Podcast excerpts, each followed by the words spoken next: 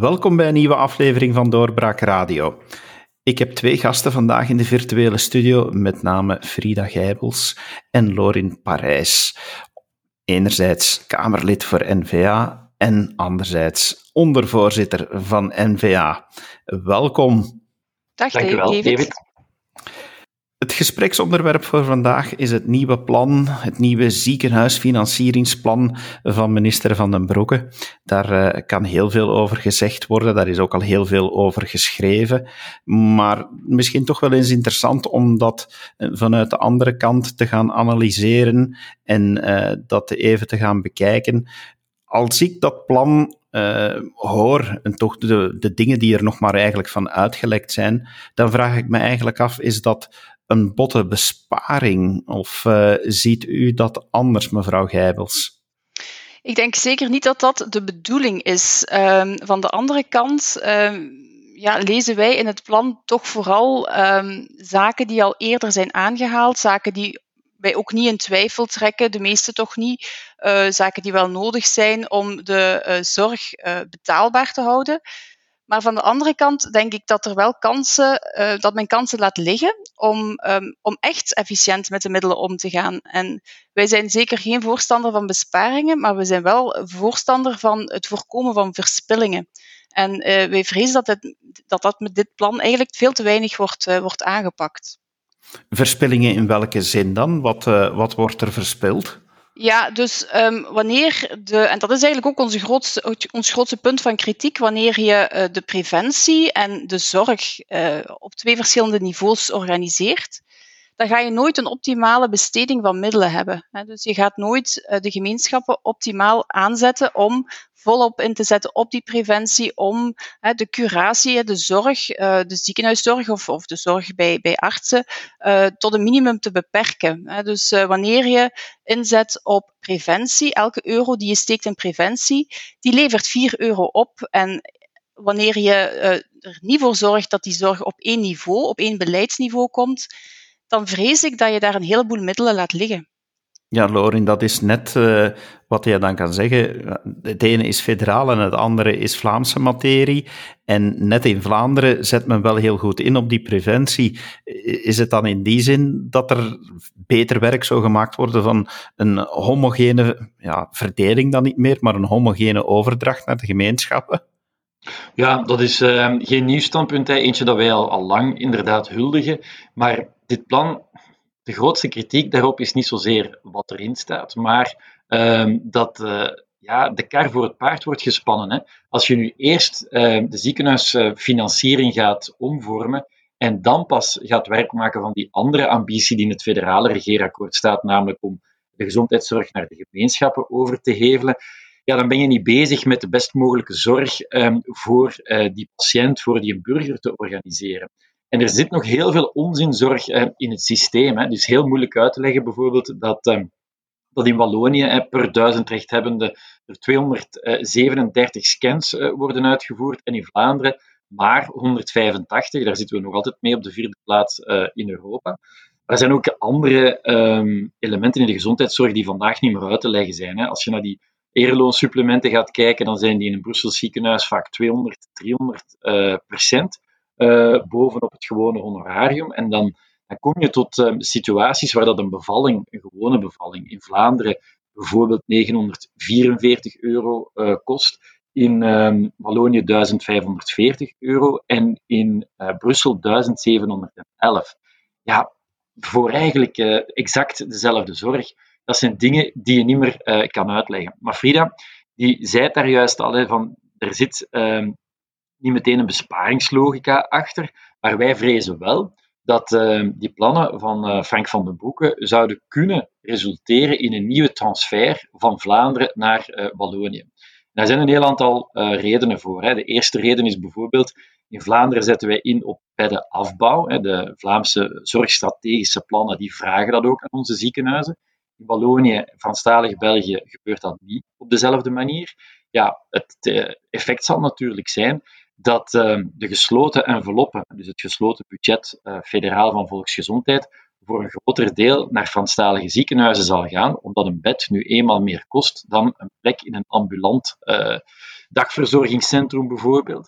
En dus ehm, ja, dan zie je dat de beste leerling van de klas hier weer eens gestraft dreigt te worden. Hetzelfde verhaaltje eigenlijk met de, van, de, van de krekel en de mier als het over die ereloonsupplementen gaat. Die Brusselse ziekenhuizen met die astronomische ereloonsupplementen, die draaien zelfs na dat ze dus hun patiënten zoveel extra geld vragen, via de private ziekteverzekering natuurlijk, um, rode cijfers. En dus als je die ereloonsupplementen schrapt, zoals in de plannen staat um, van Frank van ja, dan um, dreigen er natuurlijk een aantal ziekenhuizen kopje onder te gaan. En dat zal natuurlijk de federale regering niet uh, laten gebeuren. En dus betekent dat dat ze extra geld gaan bijstoppen in de ziekenhuizen die vandaag eigenlijk het slechtst gerund worden. En dat zijn, uh, jammer genoeg, vaak Franstalige ziekenhuizen. En dus zo zie je maar dat die plannen misschien niet meteen uh, een besparingslogica hebben, maar dat die er in Vlaanderen wel eens op een besparing zouden kunnen uitdraaien. Je zit inderdaad met het feit dat net in de gezondheidszorg en alles wat met gezondheid en preventie te maken heeft, dat je daar heel duidelijke verschillen ziet tussen de gemeenschappen. Dat kan niemand ontkennen. En ja, wat, wat jullie dan zeggen en het feit dat er, hoewel er in, het regeerakkoord staat dat er werk zou gemaakt worden van, van die overdracht, is het dan niet een teken aan de wand dat men nu met een, uh, of toch weer probeert een universele oplossing te komen, een one size fits all, dat, uh, dat dat eigenlijk betekent dat er van die plannen niks in huis gaat komen? Daar zijn wij inderdaad heel bang voor. Hè? Dat, uh, dat, ja, dat je nu een aantal best ingrijpende maatregelen gaat nemen. Want zijn, zijn timing is ook vrij krap, dus hij wil er nog van alles doorkrijgen als wij zijn plan mogen geloven. Maar ja, als, als hij nu van alles gaat veranderen um, en het nalaat om die zorg naar de gemeenschappen over te hevelen, of toch daar al naar te verwijzen op zijn minst, dan vrees ik dat je inderdaad die zorg vastzet en misschien zelfs nog ingewikkelder maakt. Want hij uh, spreekt ook over samenwerkingsakkoorden en overleggen met de gemeenschappen, maar dat maakt de zorg niet efficiënter. En ik vrees dat je daarmee die muurtjes tussen de verschillende uh, beleidsniveaus niet gaat weghalen. En dat is dan ten koste van de burger, ten koste van de patiënt, vrezen wij. Ja, als ik daar een voorbeeldje van mag geven, David, is uh, alles dat te maken heeft met uh, ja, borstchirurgie. Hè. Dus daar um, is het zo dat er een wet is die zegt van oké, er moeten minstens 60 ingrepen per chirurg zijn om een erkend centrum of een satellietcentrum uh, te kunnen zijn. Nu, die erkenning, dat is een gemeenschapsbevoegdheid en dus in ons geval dus een Vlaamse uh, bevoegdheid. Uh, maar de financiering is en blijft federaal. En dus wat is er gebeurd? Er zijn twintig satellietcentra die een erkenning hebben aangevraagd in Vlaanderen. Geen enkele daarvan die kwam aan de vastgelegde norm van 60 ingrepen per chirurg. En dus er is geen enkele erkenning gegeven. Dus je zou denken, oké, okay, daar wordt dus niet meer in geopereerd in die centra, maar niks is minder waar. Die centra die zijn gewoon open als niet erkend uh, borstchirurgisch centrum. En dus um, als vrouw um, weet je uh, dus niet dat je eigenlijk geopereerd wordt door eventueel een centrum dat geen erkenning heeft, want de terugbetaling die is federaal en die loopt gewoon door.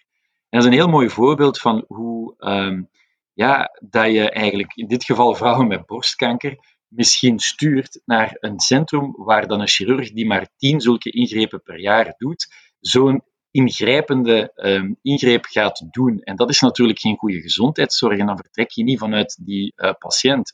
Een ander voorbeeld, hè, wat we niet lezen in de plannen van Frank van den Boeken, is hoe de integratie zit met de geestelijke gezondheidszorg. Ja, daar staat heel weinig over in. Nochtans is dat echt een thema dat wij als partij uh, op de politieke agenda willen zetten en zeggen van kijk, je moet echt naar die psychosomatische zorg gaan kijken, dus zowel hè, fysieke gezondheid als mentale gezondheid. En een derde, iets wat we absoluut niet terugvinden in de plannen, zijn bijvoorbeeld de eerste lijnzones en hoe de samenwerking daarmee kan verlopen. Als je mensen minder lang in een ziekenhuis wilt laten verblijven, ja, dan moet de link met uh, de huisarts, met de, de kinesist, met uh, iedereen die in de eerste lijn aan gezondheidszorg uh, doet, dan moet die heel sterk zijn. Maar Frank van den Broeke spreekt zelfs niet van die eerste lijnzones. Waarom niet? Omdat die in Franstalig België niet bestaan. Maar in Vlaanderen hebben die echt hun nut bewezen, onder andere met die uh, vaccinatiecampagne. Maar die kunnen ook veel meer. We moeten ervoor zorgen dat we hè, uh, in die zones die ongeveer 100.000 Vlamingen herbergen, dat we daaraan populatiegeneeskunde gaan doen, dat we, zoals Frida daarnet ook zei, van preventie tot curatie um, echt ervoor gaan zorgen dat we uh, op alle vlakken um, van ons gezondheidszorgbeleid kunnen ingrijpen. Maar goed, al die dingen staan er niet in. Um, er wordt zelfs niks gezegd over de versnippering van de gezondheidszorg en hoezeer dat dat een probleem is gebleken in de COVID-crisis. Denk maar aan um, het feit dat het uh, redelijk ingewikkeld was om een dokter van een ziekenhuis in te zetten in een woonzorgcentrum, omdat je dan een federale en een Vlaamse bevoegdheid uh, zit te mengen. Um, daar hebben we blijkbaar heel weinig lessen uitgetrokken en dat vinden we wel een beetje een gemiste kant. Die verdere splitsing of beter gezegd eigenlijk, vind ik altijd, want ja, splitsen heeft soms eerder een negatieve klank, maar het, het verder concentreren van de bevoegdheden in één beleidsniveau, ik vind dat dat veel positiever en veel logischer ook klinkt. Ja, dat alleen gaat toch de problemen van de financiering niet oplossen. Dan kan je wel inderdaad meer beleid op maat gaan maken. Maar stel dat dat toch gebeurt en dat Vlaanderen daar de volledige bevoegdheid in krijgt, dan moet er toch ook wel nog wel heel wat aangepast worden in de volgende fase. Dat is ook zo, hè? absoluut. En, en, en, en ik heb, we hebben het ook al eerder gezegd, de principes die worden aangehaald, dat zijn ook geen nieuwe principes. Die, die zijn al eerder, uh, eerder ter sprake gekomen. We weten ook dat er iets moet gebeuren aan die ereloonsupplementen. We weten ook dat er iets moet gebeuren aan die afdrachten, dat die ziekenhuisfinanciering, dat dat niet logisch in elkaar zit, dat dat uh, budgetfinanciële middelen, dat dat een kluwen is, dat we daarvan af willen, dat dat allemaal veel transparanter moet. Daar zijn we het over eens. Maar um, ja, je ziet gewoon aan de feiten dat de keuzes die in de verschillende gemeenschappen worden gemaakt verschillend zijn.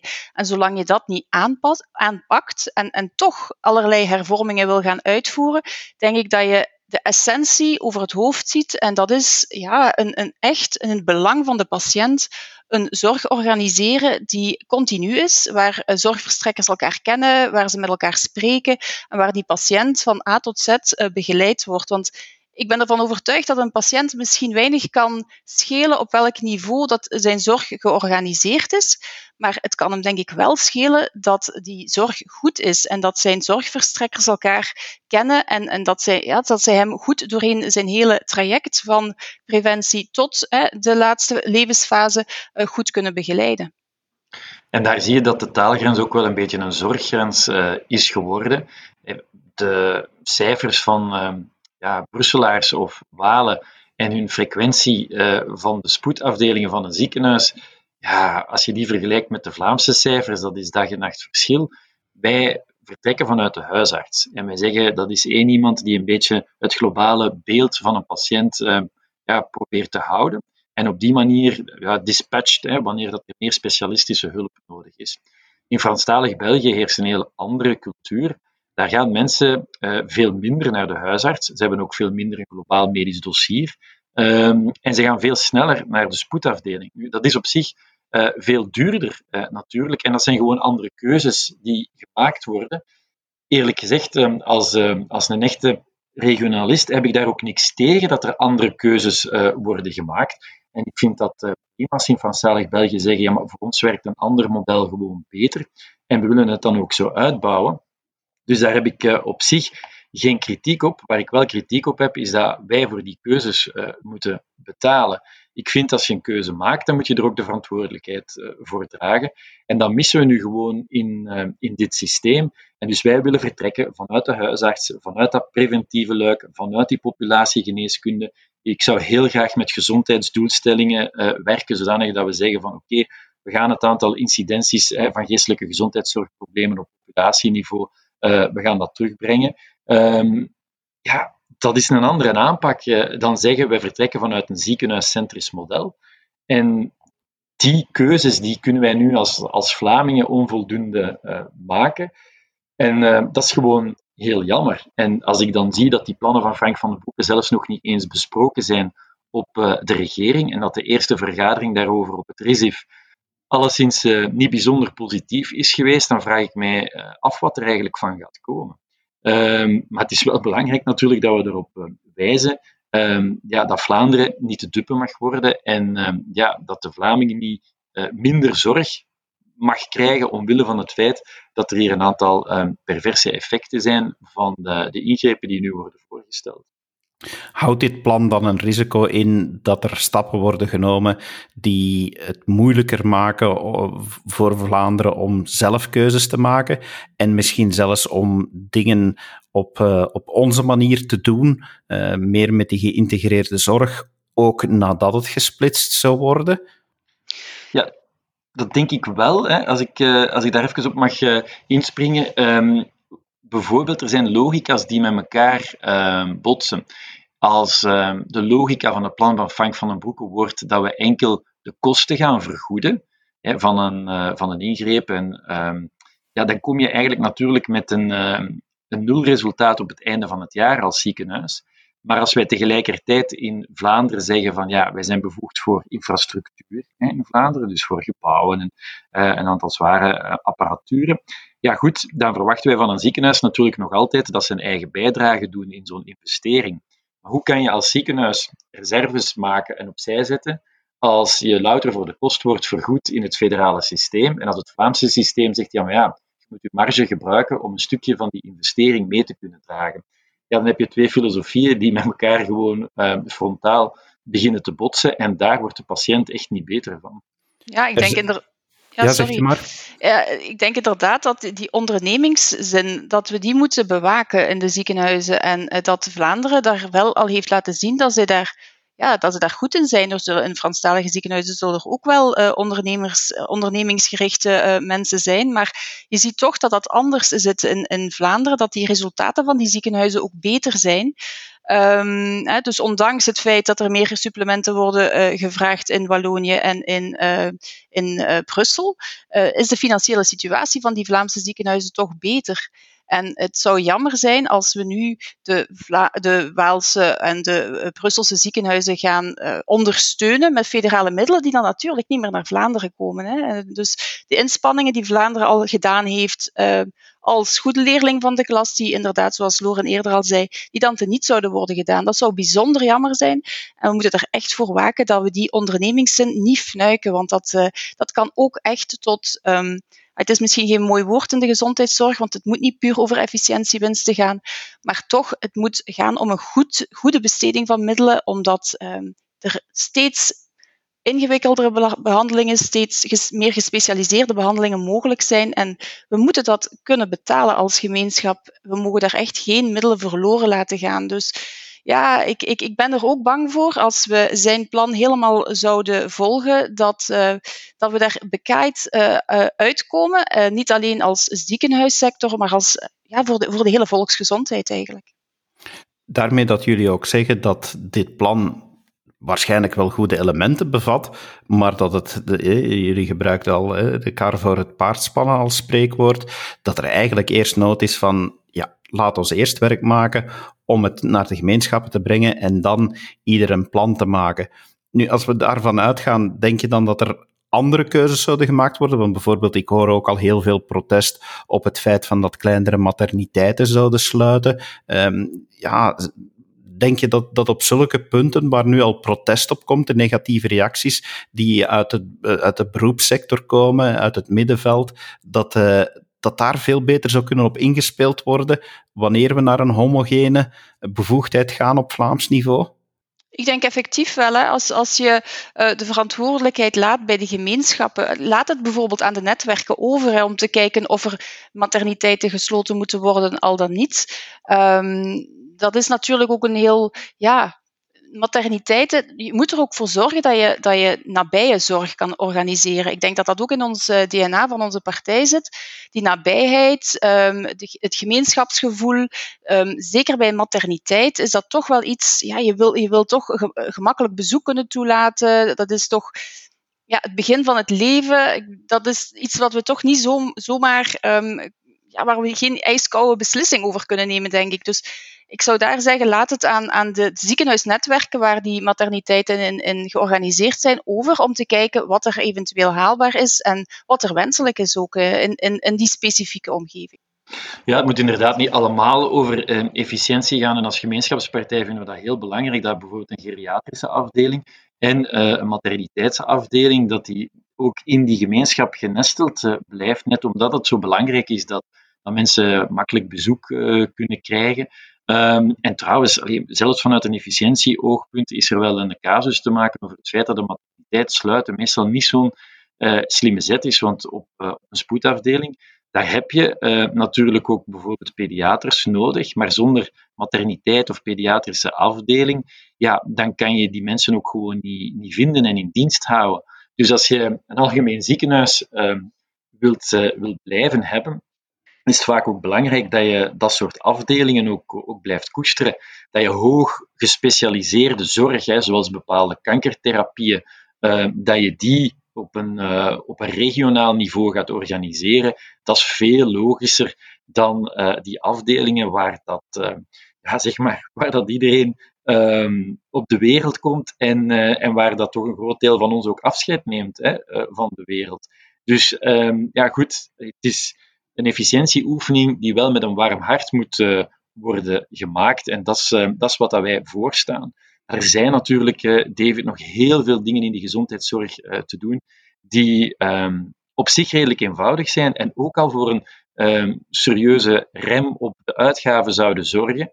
denk maar bijvoorbeeld als je al die onzinzorg eruit zou kunnen halen, zoals te veel scans die gedaan worden.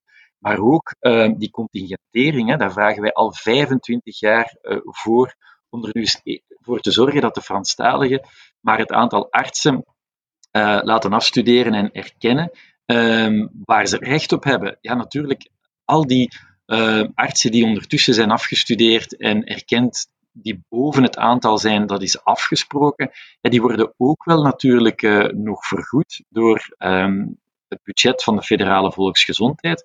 En ook daar zit dus echt wel een oefening in, um, die gewoon er een is van, uh, van u te houden aan de afspraken die een kwart eeuw geleden gemaakt zijn. Dat zijn natuurlijk een aantal ja, frustraties die elke gezondheidszorgverstrekker in, in, in Vlaanderen ook wel voelt. Hè. Daar wou ik net inderdaad ook nog een vraag over stellen, want dat is iets waar zelfs onze luisteraars zich uh, al druk hebben over gemaakt, over het toekennen van die RISIF-nummers. Hebben we toch al wat uh, mail binnengekregen. Het, we hebben daar al eerder in eerdere podcasts over gehad. Maar ja, men kan nu moeilijk gaan zeggen, ja, daar is de NVA weer met te zeggen, wow, ja, er gaat gedanst worden naar de Franstalige pijpen. Maar ja, we zien toch dat deze minister ook daar weer uh, blijft ja, voldoen aan de verzuchtingen van de Franstalige kant en RISIF-nummers blijft toekennen. Daar, uh, daar lijkt toch weinig in te veranderen, ondanks wat Frank van den Broeke beloofd heeft om daar wel werk van te maken. Ja, klopt. Hè. Helaas. Helaas. Wij hadden er alle hoop in gesteld. Hij leek er ook effectief en, en oprecht werk van te willen maken. Maar het lijkt er toch weer op dat hij het onderspit moet delven. Uh, we zien daar niks bewegen. Dus um, wij vrezen daar ook dat daar, dat daar heel weinig van terecht gaat komen van die beloftes helaas, voor onze eigen studenten. Um, die, die, ja, die moeten toekijken op, op uh, het feit dat, zij, dat wij al jaren, uh, decennia, uh, het, het, de toegang tot uh, studiestandheelkunde en geneeskunde beperken. En, en ik denk terecht. Terwijl, terwijl het in, de andere kant, aan de, in de andere kant van het land gewoon, er gewoon totaal geen maatregelen worden genomen. Dus dat is inderdaad heel jammer. Staan jullie alleen met uh, dit standpunt? Uh, zijn, er, zijn er nog andere organisaties, bijvoorbeeld ook uit de sector zelf, die mee op tafel willen kloppen en zeggen: nee, eigenlijk is er eerst ander werk te doen, namelijk het meer homogeen maken van de bevoegdheid? Ja, we zijn er zeker niet alleen. We hebben in het Vlaams parlement uh, een werkgroep institutionele zaken, de voorzitterschap van uh, Lisbeth Polmans trouwens. En uh, daar hebben wij um, een hoofdstuk gezondheidszorg um, afgewerkt. En eerlijk gezegd, iedereen uh, die met zijn twee voeten in de praktijk staat, die komt daar pleiten voor. Het feit dat dat gewoon een bevoegdheid zou worden die in één hand ligt, en dan zeggen ze er meestal bij, liefst een hand die dichtst bij de, bij de patiënt, bij de burger ligt, en met andere woorden, de Vlaamse gemeenschap. Dat is, allee, kijk naar uh, wat Zorgnet Icuro, denk ik, een klein jaar geleden als standpunt heeft bekendgemaakt. Dat is gewoon wat de sector wil. Um, zij zeggen van het is nu tijd dat de gezondheidszorg effectief uh, naar de Vlaamse gemeenschap uh, komt. Dus dat is de koepel van alle uh, ziekenhuizen en van heel wat zorgverstrekkers. Um, en als je dan naar die getuigenissen hebt geluisterd, dan weet je dat we daar zeker niet alleen mee staan. Ja, zelfs denk... heel veel, sorry, sorry Fried, dat ik nog even uh, inspring. Heel veel politieke partijen zeggen ook hetzelfde. Hè. Ze doen het alleen niet. Ja, ik wou net zeggen, ik denk hier, als je hier kijkt naar de verschillende fracties in het federaal parlement, iedereen, denk ik, is het er zeker na die COVID-crisis over eens dat er een homogeen bevoegdheidspakket moet komen. Alleen is hier natuurlijk de discussie, moet dat dan op federaal niveau of moet dat op eh, gemeenschapsniveau worden georganiseerd? Maar volgens ons, als je kijkt naar de verschillen die er zijn en de verschillende kanten die de verschillende gemeenschappen uit evolueren, dat, dat het meest logische is om echt naar een, eh, naar een beleid op maat te gaan. Ja, David, er wordt ook vaak gezegd, er zijn negen ministers van Volksgezondheid eh, in dit land. Ja, dat is wel een feit natuurlijk, maar wij hebben in Vlaanderen één en ene federale. En dan zijn we klaar. En alle rest hè, heeft te maken met uh, Brussel of uh, de, de Franstalige uh, gemeenschappen in dit land, onder andere. Dus um, wat dat ons betreft, uh, wij kunnen nog met ene minder, ja, effectief. maar die negen die hebben niet zozeer te maken met, met, met Vlaanderen. Hè. Dus ehm, de acht anderen zitten meestal aan de andere kant van de taalgrens. Ik denk dat het inderdaad goed is dat we wat hebben kunnen blijven stilstaan bij de neveneffecten van deze plannen. Want uh, er zijn heel veel mensen die natuurlijk denken, ja, het is goed dat er eindelijk werk wordt gemaakt van een nieuwe ziekenhuisfinanciering. Maar zoals jullie erop wijzen, er zijn toch wel zaken waar beter moet over nagedacht worden. Dankjewel mevrouw Gijbels, dankjewel meneer Parijs om de tijd te nemen om dat even toe te lichten in onze podcast. Met heel, veel, plezier. Veel plezier. En u, beste luisteraar, dank u wel dat u geluisterd hebt en heel graag tot een volgende keer. Dag. Dit was een episode van Doorbraak Radio, de podcast van doorbraak.be. Volg onze podcast op doorbraak.be/radio of via Apple Podcasts, Overcast of Spotify. Bezoek ook onze website op doorbraak.be en steun ons door een vriend te worden van Doorbraak.